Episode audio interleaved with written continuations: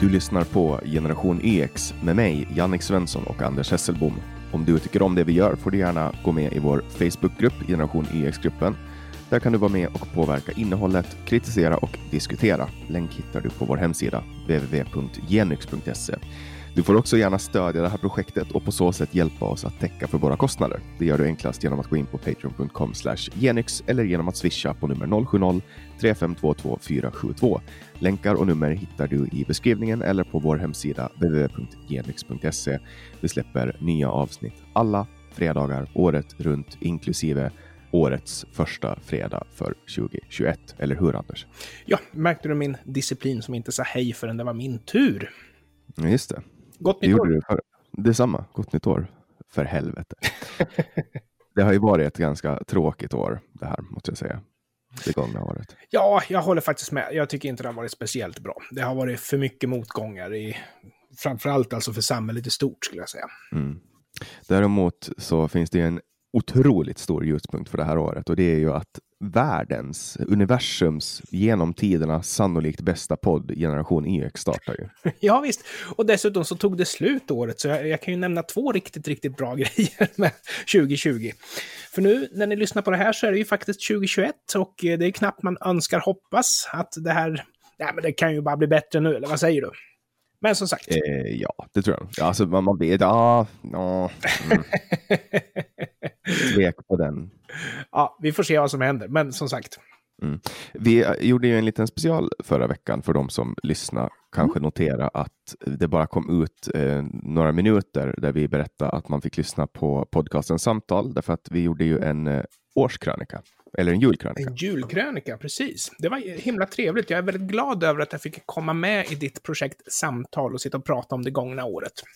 Det var väldigt kul och det blev ju lite av en hybrid då mellan den här podden Generation EX och Mm. eh, min andra podd S- Samtal där vi gick igenom alla månader då, januari till november och nu har vi Mm. december kvar. Ja, och det gör ju att vi stärker ju den här podcastens image som att ha börjat som att man pratar om aktuella samhällsfrågor utifrån ett generationsperspektiv till Anders och Jannik gnäller på samtiden. Mm. Men då, då, då vill vi bara påpeka att det vi gör nu, Mm. det, det formatet för det här eh, avsnittet är att vi fortsätter där vi var sist på julkrönikan. Mm. Och den hittar ni på www.samtal.ax eller genom att söka på samtal på Spotify. Så hittar ni, eller, eller vilken podcast-app ni spe, än Ja. spelar med. Så hittar ni den. publicerades 23 december. Den heter Julkrönika inom parentes 2020 med Anders Hessebom. Mm. Eh, så det vi ska göra nu är att gå igenom alla gäster från december och sen ska vi gå igenom december helt enkelt. Och det är dagens avsnitt. Mm. Och vi har väldigt mycket att gå igenom så det kanske blir lite längre. Nej, vi köttar på bra, vet du. Nej, jag, jag, jag, har, jag har gott om tid Anders. Har inte du det? Är inte Ja. du också ledig? Jo, jag är ledig. Det enda som återstår är ju att städa upp efter alltihopa. Men eh, det ska, ska väl göras. Nytt år, vet du, ny start. Ska det vara rent Mm. i hemmet. Yes, då kan du fråga mig vem som var med i samtal i december. Men, eh, ja, ja, förlåt mig. Jag tänkte precis säga, det vet jag. Men du, Jannik, vem var det som var med i samtal i december? Ah, kul att du frågar. Nej, men vad kul. Vi börjar december med Jessica Stegrud Mm. som är ekonom och hon är ledamot av Europaparlamentet för Sverigedemokraterna. Och vi hade ett ganska långt och intressant samtal. Första gången som en EU-parlamentariker har tackat ja. Mm. Jag har varit på lite EU-parlamentariker, men de är väldigt upptagna och de har ju jättemånga assistenter. Men, men eh, Jessica svarar mig personligen och hon tackar ja. Och, och jag tror att det här är, slutsatsen av det här är att Sverigedemokraterna, anledningen att de lyckas så bra på sociala medier tror jag är deras personliga närvaro. Mm. De gömmer sig inte bakom sekreterare och, och, och talskrivare och sånt. Och, då, och kollar man på Sverigedemokraterna så är de ju utan tvekan absolut bäst när det kommer till täckning på sociala medier. Du, jag vill kommentera det där, för Kristdemokraterna har ju lite grann en nyvunnen framgång på sociala medier. Och på den tiden det var Lars Adaktusson som var det hetaste namnet, då hade han ju liksom folk som twittrade åt han. Medan Ebba Busch Thor och Skyttedal och de här, de köttar ju på utan skyddsnät. Liksom. Ja, absolut, men jag tänker på, kollar du på totalt sett så är Mm. Sverigedemokraterna, och speciellt under förra valrörelsen, alltså de, de utklassar de Mm. andra. i interaktion och reach och hela den biten. Just för att de, de har en bättre strategi helt enkelt. Tror jag. Ja, men alltså, jag vill inte förminska eh, Sverigedemokraternas framgång, absolut inte. Jag bara säger att jag tror att Twitter är en högergrej. Eftersom man inte har något regeringsansvar, man kan kritisera, man kan granska, man har inget att förlora på att det är transparent och sådär. Medan regeringsanhängare å andra sidan, de behöver ju ha ett filter eftersom det går inte jätte, jättebra på alla punkter för Sverige som de bär ansvar för. Nej, det har ju visat sig nu ganska nyligen eh, i veckorna att eh, regeringen ska ha behövt fundera lite på sin kommunikation, men det återkommer vi till. Ja. För andra gästen i samtal för december var Patricia Pettersson. Mm. Hon mm. är nakenmodell och samhällsdebattör och hon twittrar då under namnet Brains and Boobs som ska sammanfatta hennes karaktär. Hon skriver om samhällsfrågor och om att överleva våldtäkt och det var också det vi pratade om. Hon har en Onlyfans-kanal där hon eh, släpper ut bilder på sig själv där hon är naken. Och det är någonting som växer ganska mycket nu. Förut så har ju den här branschen, då, nakenbranschen, domineras av män som ger kvinnor en liten andel pengar, tar bilder och sen tar de den stora delen själv.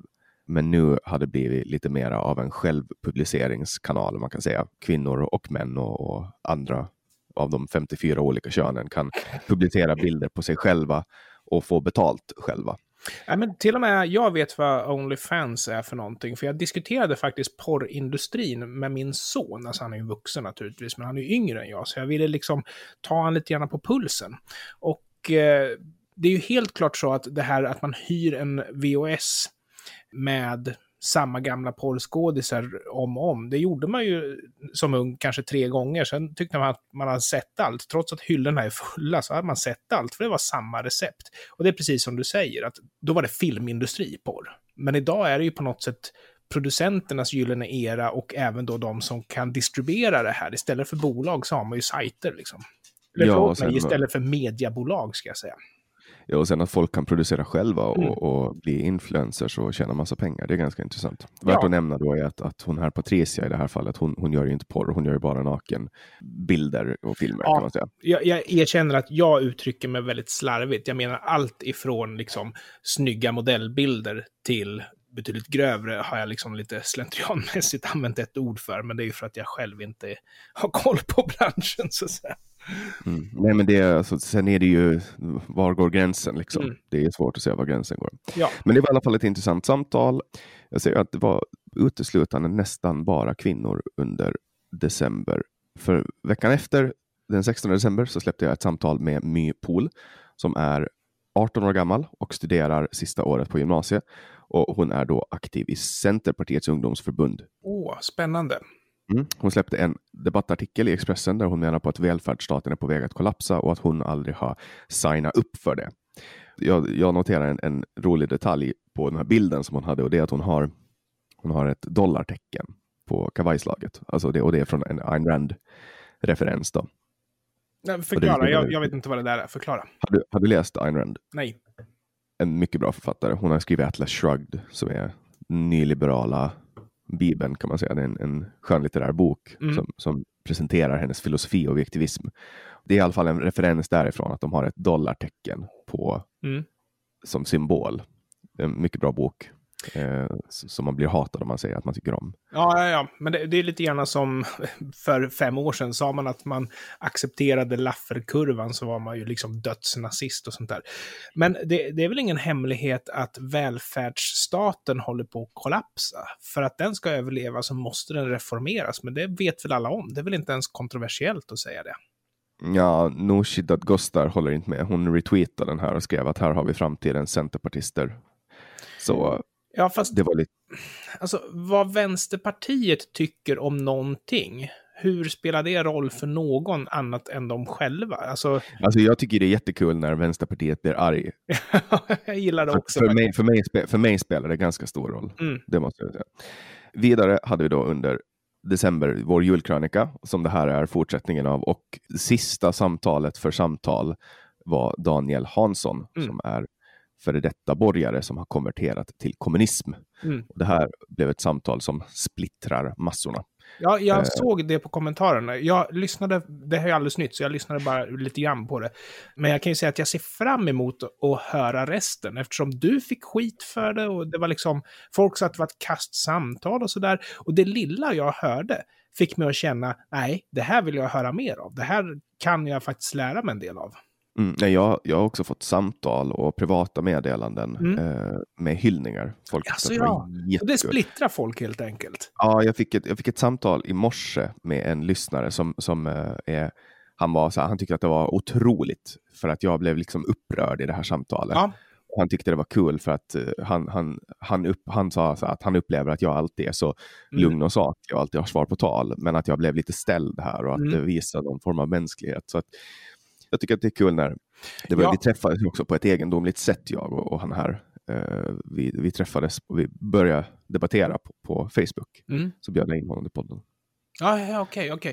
Nej, men du ska inte vara rädd för att visa känslorna. Alltså, det bidrar ju till, precis som den här kommentaren syftade till att säga, antar jag, att det blir genuinitet.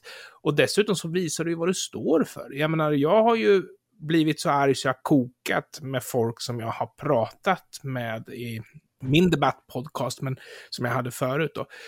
Men det betyder ju inte att vi blir ovänner eller att vi hatar varandra. Det betyder ju bara att vi är passionerade i det vi diskuterar.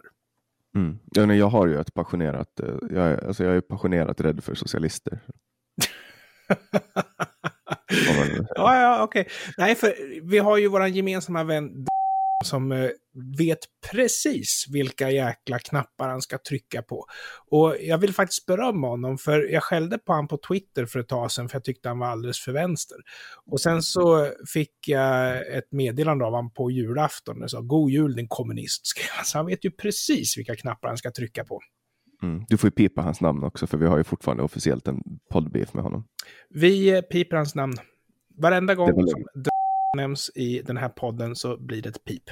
Och du måste pipa hela Du får inte bara göra så att du pipar mitten som du brukar göra förut, utan man får inte höra en tillstymmelse av vokalisering av hans namn. Okej, okay, jag ska göra mitt bästa.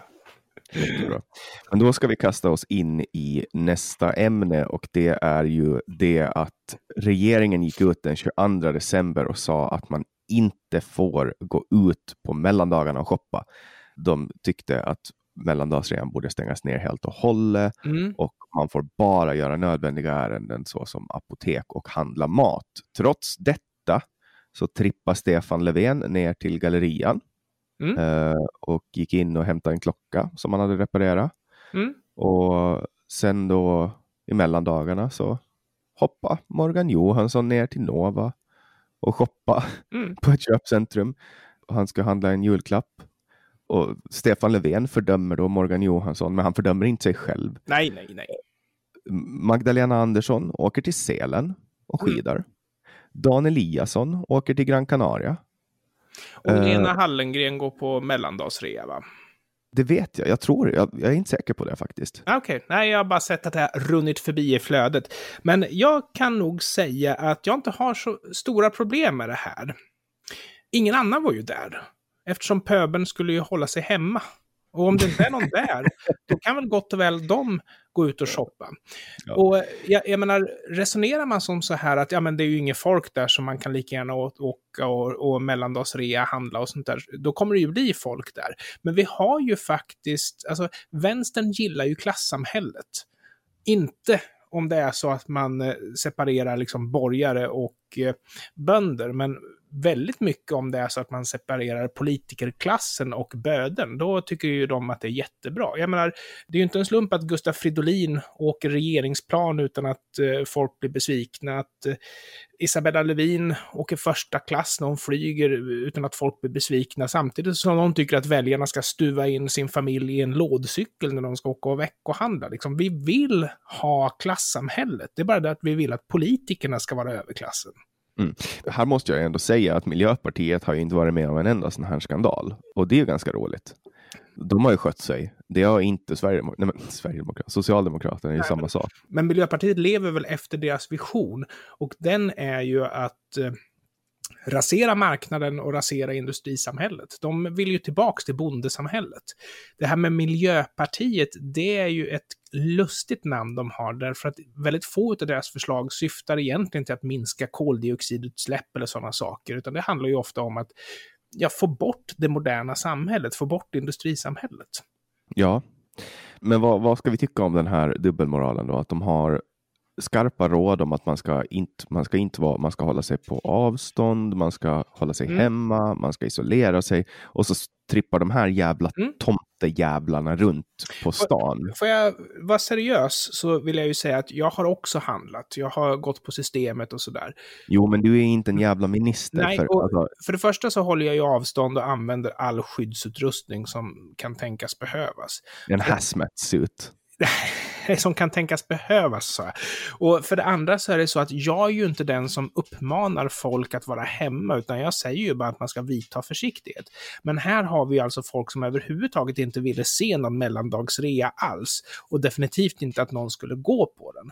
Då kan ju de stanna hemma. Och jag har hört väldigt många som har hyllat de här och sagt att ja, men det var bra gjort av Stefan Löfven, att han inte skickar någon annan utan att han står för att han shoppar och sådär jag tycker inte att det är bra gjort. Därför att han sitter ju då på två stolar. Dels den Stefan Löfven som säger att man absolut inte ska gå ut och dels den Stefan Löfven som liksom shoppar loss och woho!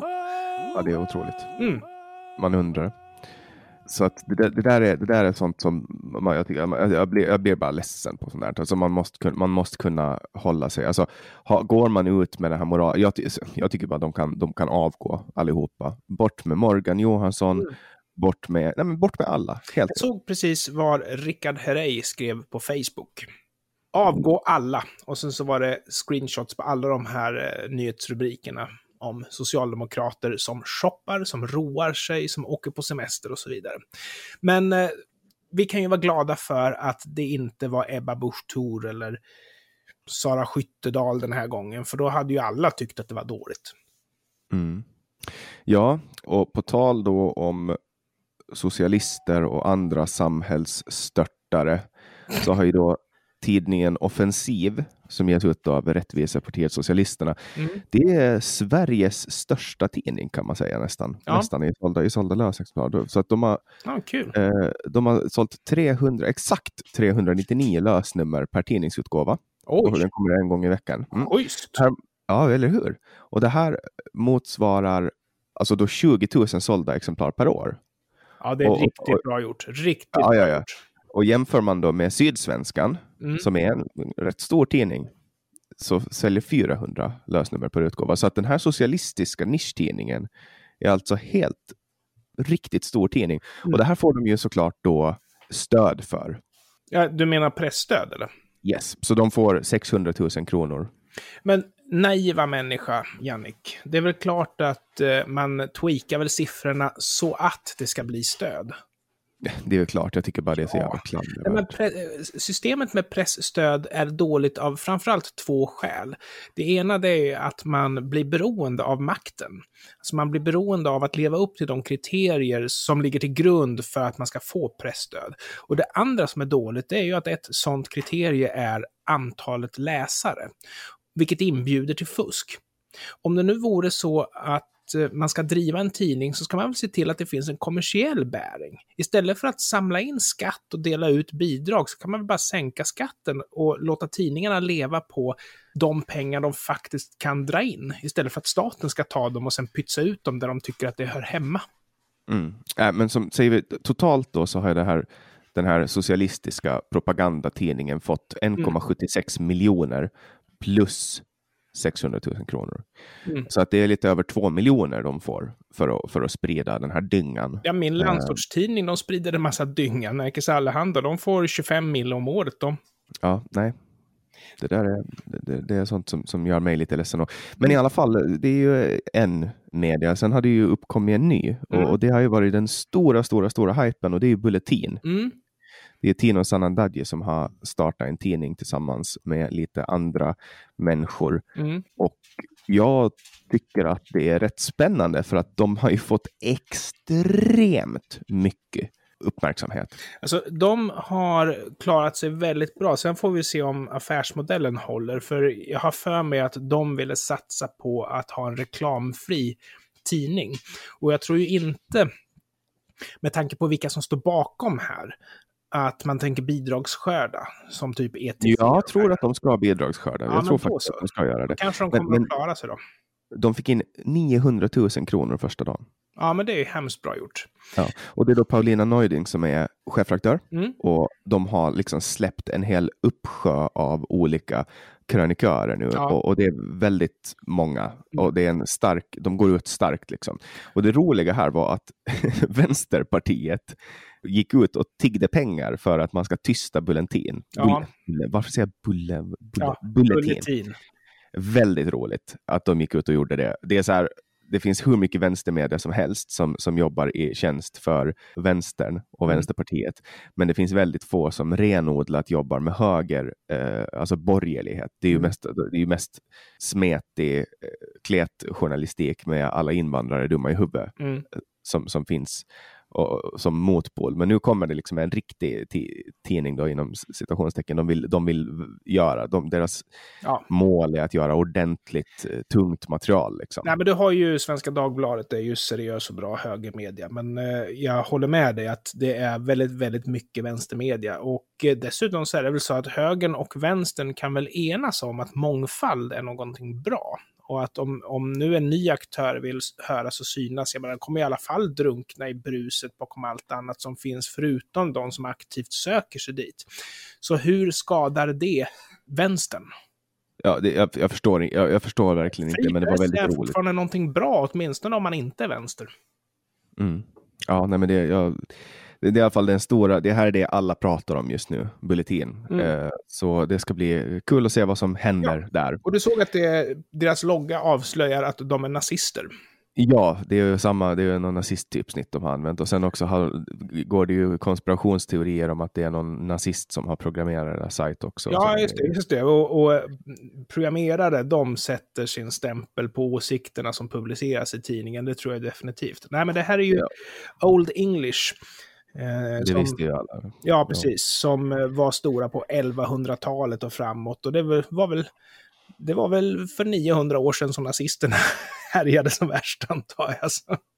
Jo. Och på tal om Old English då. Kungen gick ju ut då, Hans Majestät Konungen, Mm. Gick ut i SVT och sa att, det var, att de har misslyckats. Ja, Eh. jag såg att folk blev arga för att det här genererade rubriker i utländsk media om att kungen tycker att Sverige har liksom inte riktigt lyckats fullt ut. Och det i sin tur skapade väldigt mycket irritation. Spe speciellt igen på vänstersidan, därför att på vänstersidan så är ju bilden av Sverige det som är det viktiga. Och Ja. där är ju kungen, han har väl sitt jobb för att skydda bilden av Sverige.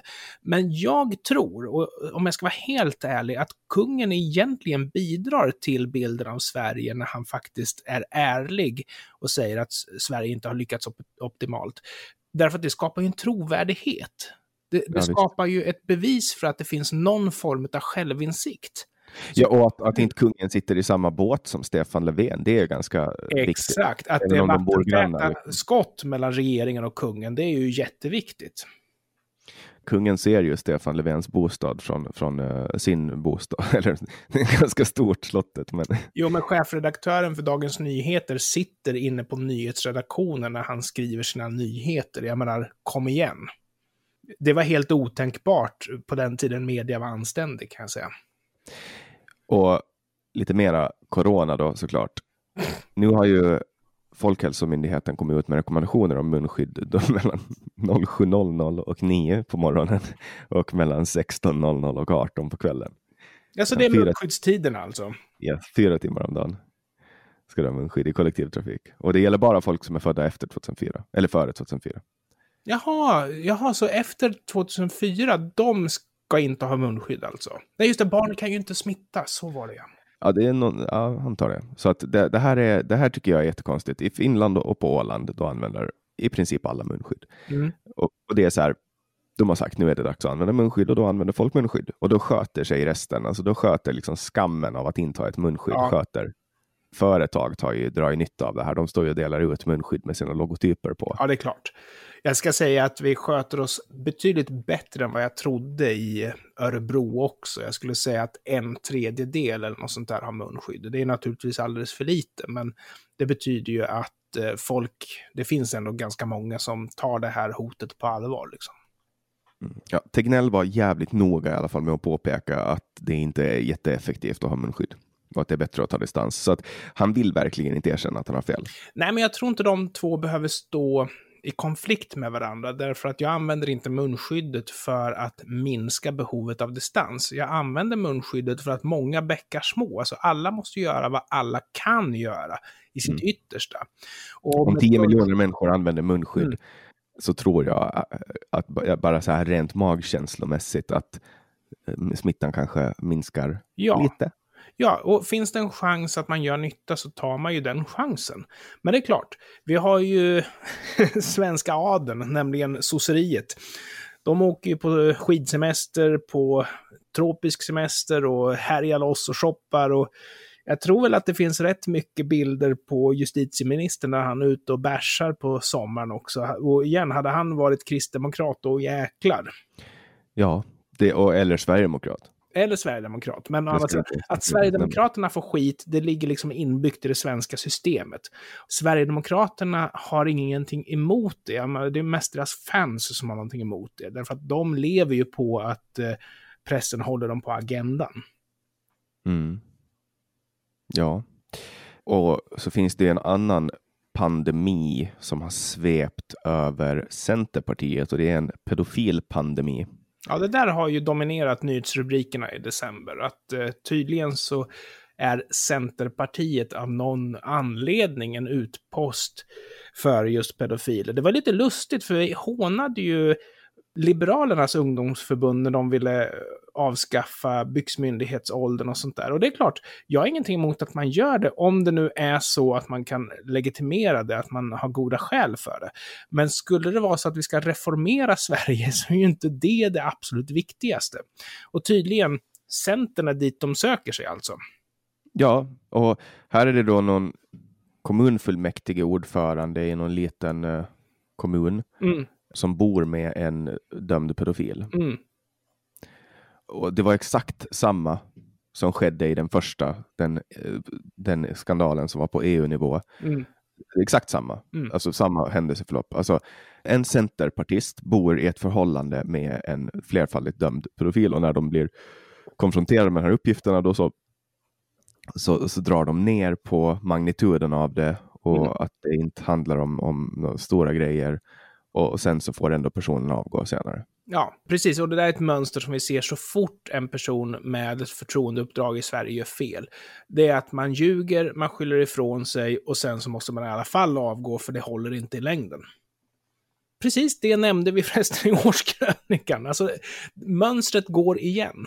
Mycket, mycket konstigt ja, vi får se. Så Centerpartiet verkar ju klara sig rätt bra under de här. Alltså, ja. Annie Lööf bara duckar, duckar, duckar, duckar. Men hon kan ju ducka och hon är dessutom en tillräckligt duktig debattör och retoriker för att faktiskt komma undan med det här. Det som händer är ju att föraktet för Annie Lööf bland Annie Lööfs fiender ökar.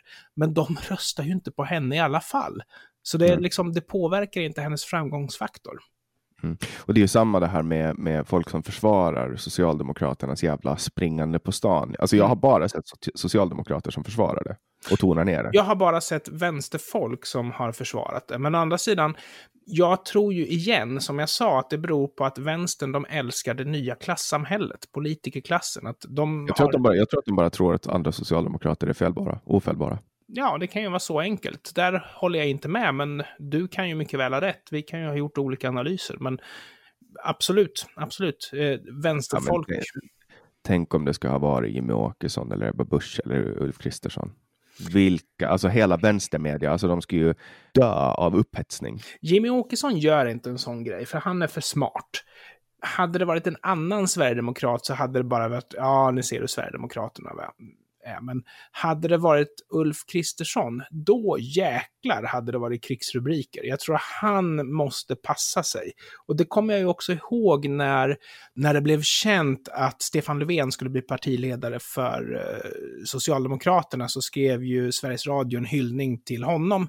När det blev känt att Isabella Lövin skulle bli språkrör för Miljöpartiet så skrev Sveriges Radio en, en hyllningsartikel om henne.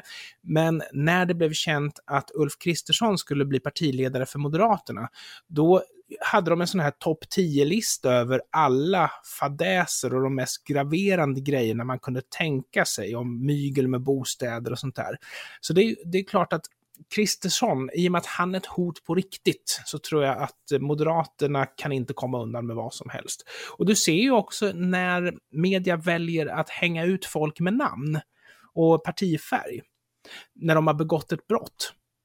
Är det Sverigedemokrater så är det ju namn och partifärg. Är det moderater så är det partifärg. Är det socialdemokrater så är det liksom en politiker. Mm. Så jag tror att just hade det varit Kristersson hade det nog varit krigsrubriker vid det här laget, ja. Mm. Ja, och det, här, nu, det vi har pratat om nu, det har ju bara liksom hänt den senaste veckan, typ. men det har hänt lite andra grejer nu under december som, mm. som vi kanske ska ta tag i. Och det är då att regeringen har vänt efter att haverikommissionen har rekommenderat att man ska öppna upp för dykningar via Estoniavraket. Så nu, nu vill regeringen helt plötsligt att, vi ska, att man ska få dyka där. Mm.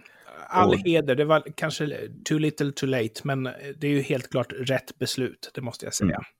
Och det här är ju då efter att Henrik Evertsson har avslöjat att det har funnits ett hål och han har fått massivt med kritik mm. eh, för det eh, av olika anledningar och, och folk och, och, så, och han har fått Stora journalistpriset och det är flera, eh, det är flera som har Um, han fick då för årets grev. Mm. Och det är många som har, har liksom gått ut och sagt att han inte borde få det, att han har varit en dålig journalist och så vidare. och så vidare. Men, men tydligen så är det här ett känsligt ämne och det ska bli spännande att se vad som händer för det är många jag har varit i kontakt med efter att jag spelade in ett avsnitt med Anders Eriksson som överlevde förlisningen av Estonia så har jag varit i kontakt med flera överlevare och, och liksom försöker hö, hö, vända örat ditåt så jag hör vad, de, vad som händer. Och det är lite saker på gång. Så, mm. så det är spännande. Jag som inte är så intresserad av sjöfart kan jag säga, de lär ju inte träffa på någon håkärring eller något sånt där, för det är nog vattnet lite för varmt för. Men har de tur så kan de faktiskt träffa flasknosdelfin om de dyker där, så det håller vi tummarna för. Mm. Sen hade vi också ett ämne som vi har fått återkomma till lite under hösten och det har varit då det här koranbränningarna i Malmö. Mm. Nu har då sju personer dömts för delaktighet i våldsamma upplopp. Och det här är eh. alltså motsidan, de som tycker att hädelse ska vara kriminellt som döms. Yes, och, ja. och det var då det var en vuxen, men alla andra var eh, barn och de har dömts då till ungdomsvård eller ungdomstjänst.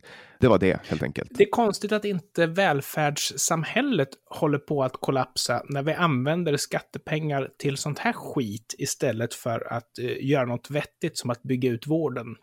Mm. Eller förresten, det håller ju på att kollapsa. Vad dum jag är. ja, sen har vi då också som... Det där piper vi tycker jag. Matprofilen. Okej. Ja, sen har vi då matprofilen som åkte fast för att ja, han fick ett straff för föreläggande för, för att ha köpt sex. Det är mm. förbjudet i Sverige. Eh, det var också någon som anmälde honom, det här var väl i april, maj kanske, mm. som han åkte fast på Östermalm och erkände direkt. Det var någon som anmälde honom för oaktsam våldtäkt. Mm. Eh, om det kanske var åklagarmyndighet, jag vet inte vem det var som anmälde, men, men det har blivit nedlagt. Mm. Därför att varken åklagaren eller kvinnans biträde har kunnat nå henne. Eh, för att få ta del av hennes berättelse. Hon, har inte, hon, hon vill inte berätta. Men jag tycker att det är lite konstigt om det nu är så att vi har en asynkron lagstiftning när det gäller sexköp, att kvinnan inte begår ett brott som eh, provocerar till en illegal handling. Och om det dessutom är så att hon blir ett våldtäktsoffer när hon säljer sex, då kommer ju inte den här asynkrona lagstiftningen att hålla. Så det kanske var någon jurist som satt och klurade på det här. Hmm, hang on a minute. Alltså jag tror att, att man bara ville göra det lite värre än vad det var. Ah, ja. Eh, alltså så här, okej, okay, han har åkt fast för sexköp men nu ska vi också få dit honom för ännu värre grejer. Men han har ju aldrig ens blivit delgiven misstanke. Jag tror att det här bara har varit spel för gallerierna Ja, för ja. att liksom demonisera honom ytterligare i media. Han har i Eh, alla fall ett matmärke nu som han säljer matvaror via internet. Och jag ska faktiskt säga att jag är glad över att han är tillbaks. Är han tillbaks? Han är tillbaks. Han förlorade ju rätten till sitt förra matmärke, men han har skapat ett nytt. Och jag tycker att det är bra därför att om man tittar på hur, alltså djupet av kriminell gärning, så är inte det här någonting... För det första så hade han ju kommit undan helt om han inte hade gått ut i media själv. Det är ju egentligen en dålig mediastrateg. Som... Ja, men tror du det? Det hade läckt. Polisen, alltså polisen i Stockholm läcker som såll. Ja, jag vet. Och det är ju därför som vi vet väldigt många sexköpare som fortfarande är i branschen. Under bordet så vet ju alla vem som har gjort vad. Därför att polisen läcker som ett såll. Men han gick ut i media och, och, där, och därigenom vet gemene man vad han har gjort. Men Ja, det, var, det var ju dumt att sitta i tv och ja, säga sådär. ingen journalist ingen, i ingen hela bra. världen hade saboterat hans verksamhet genom att hänga ut honom. Det var ingen bra, det var ingen bra intervju han gjorde. Nej, det var ingen bra Man, intervju. så, man såg att han inte var ångerfull och han sa att det var första gången. Man såg att han ljög. Ja, visst. Och, och dessutom så är det ju så att han skulle ju inte bli uthängd, därför att man, media hänger inte ut sexköpare. Punkt slut. De har inte gjort det förr och de kommer inte göra det igen, utan det är ju när först antingen att alla ändå vet eller att personen själv går ut och pratar så som den här killen gjorde då. Mm. Ja, nej, men som sagt, det här var ju i början på maj som det hände och, och kvinnan har inte gjort sig anträffbar. Och, hon har, och de har försökt via rumänska myndigheter, men, men de, hon vill inte. Hon kan ju mycket väl vara under hans beskydd, det vet ju inte jag. Som, som jag förstod det så hade de träffats via en sajt och, och jag, jag läste den där. Jag läste hennes annons. Mm. Den cirkulerade där och, och det såg inte ut som att hon var, alltså att alltså, bedöma på det såg inte ut som att hon var ett offer för trafficking. Det såg ut mer som att hon var en independent eh, sexförsäljare, vilket är ett, ett, ett lagligt yrke i Sverige. Ja, men som sagt, Ja. vi ska inte spekulera när vi inte vet. Vi Nej, litar på nej. att juridiken fungerar och uppenbarligen så blev det här, den här utredningen nedlagd, så det är väl gott så. Mm. Sen har vi då en annan grej som har skett och det är då att Sveb TV, som är en konspiratorisk Youtube-kanal, har plockats ner på beslut av Google Sverige-chef. Mm. Och det är ju lite kontraproduktivt Mm. därför att nu får ju de mer uppmärksamhet än någonsin. Det här var ju inte ens en stor kanal, det var väl några tusen. Det var ganska stor, jag Ja. tror 65 000. Ja, men femsiffrigt, fine. Och det var ju en fruktansvärt dålig kanal. Det var konspiratoriskt, det var fullt med missuppfattningar inbakade i de narrativ som de framställde. Så det, det var slaskjournalistik deluxe. Men man behövde ju inte bemöta dem eftersom de hade ju inte den publiciteten de behövde för att vara ett problem. De här 65 000 eller vad kan ha varit som prenumererar på dem, det är ju de som ändå är hopplösa fall i alla fall. Och skulle något påstående som kommer från Sweb TV ha bubblat, då hade man ju kunnat använda de demokratiska metoderna för att bemöta det. Nämligen tala om varför, eller att och varför som det är fel.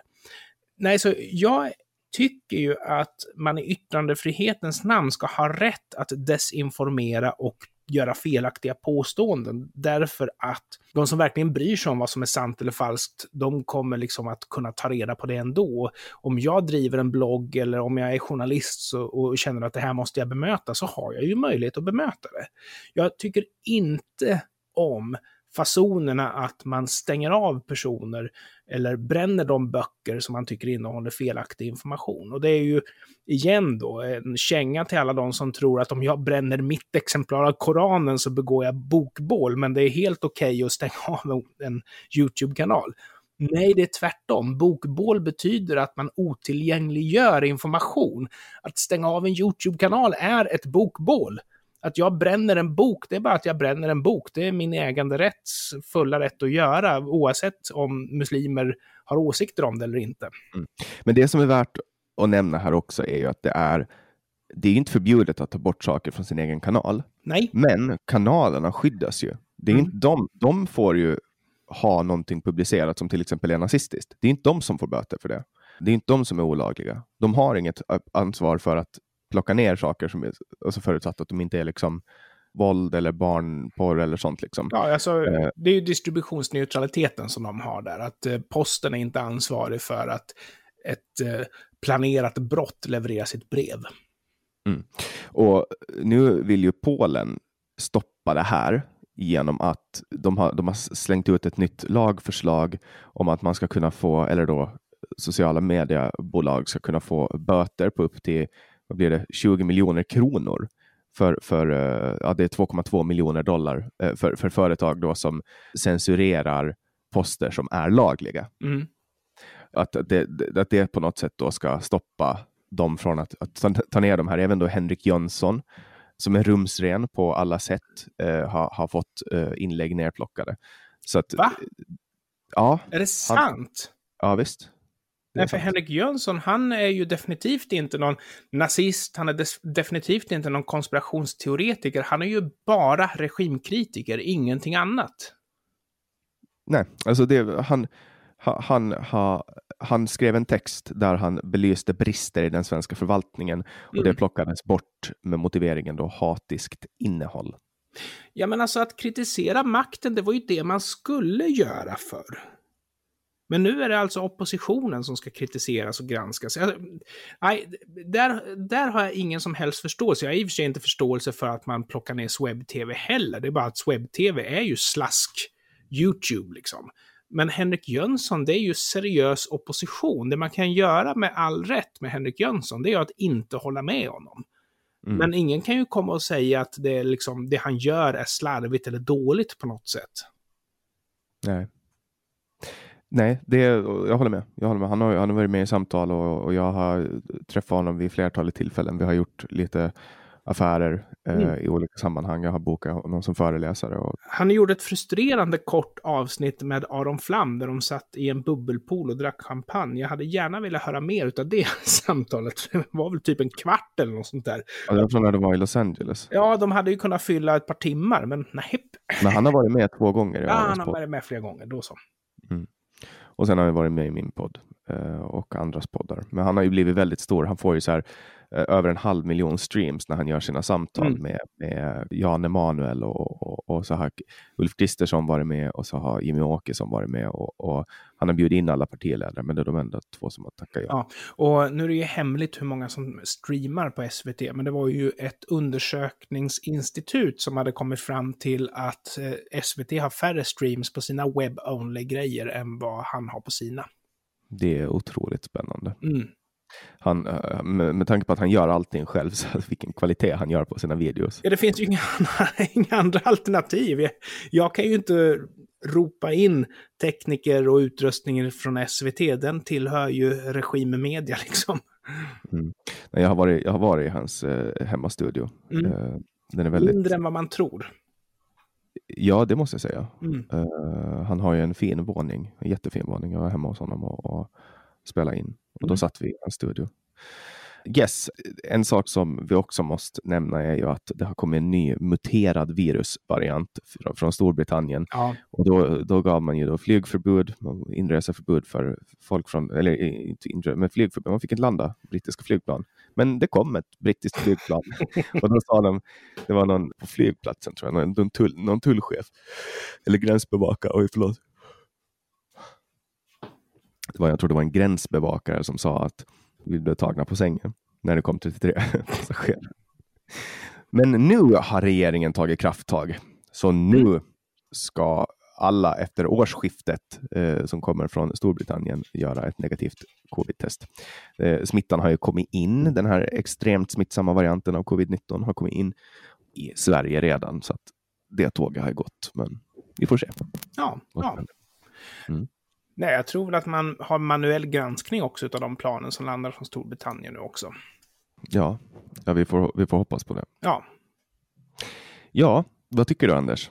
Jag tycker att eh, vi har lyckats sätta fingret på varför 2020 inte är optimalt. För mycket av det som är dåligt med 2020 är ju det som har hänt i december. Och eh, för att hålla koll på allt sånt så är det ju definitivt podcasten Generation YX du ska lyssna på. Men jag hoppas att vi kan återkomma nu under 2021 med att istället för att stua in för många ämnen så försöker vi komma tillbaka till det här med generationsperspektivet. För det har vi inte bjudit på varken i det här avsnittet eller i själva julkrönikan. Men... Alltså det räcker med att jag påpekar att du är gammal lite nu och då och du ah, påpekar att jag är ung. Ja, då lever vi upp till det så. Och sen är det ju också, sen är det ju också, nu är jag lillgammal enligt, enligt vissa, ja. men, men det är ju två generationer som möts och diskuterar. Men om och vi, vi stämplar in att du säger att Anders är en boomer i vignetten och stämplar in att jag säger att du inte torr bakom öronen i vignetten så har vi levt upp till det kanske då. Ja. Anders, du är gammal. Jannik, du är omogen. Eller och du har lyssnat på Generation YX med mig, unge herr Svensson och gamle herr Hesselbom. Och du får ju stödja det här projektet, vilket du kan göra på patreon.com genyx eller genom att swisha till nummer 070-3522472. Länkar och nummer hittar du i beskrivningen till det här avsnittet eller på vår hemsida www.genyx.se. Du får också väldigt gärna gå med i vår Facebookgrupp Generation e YX-gruppen och länk till den hittar du på vår hemsida eller i beskrivningen nedan. Gott nytt år alla som lyssnar och gott nytt år Anders. Gott nytt år Jannik. Hej då!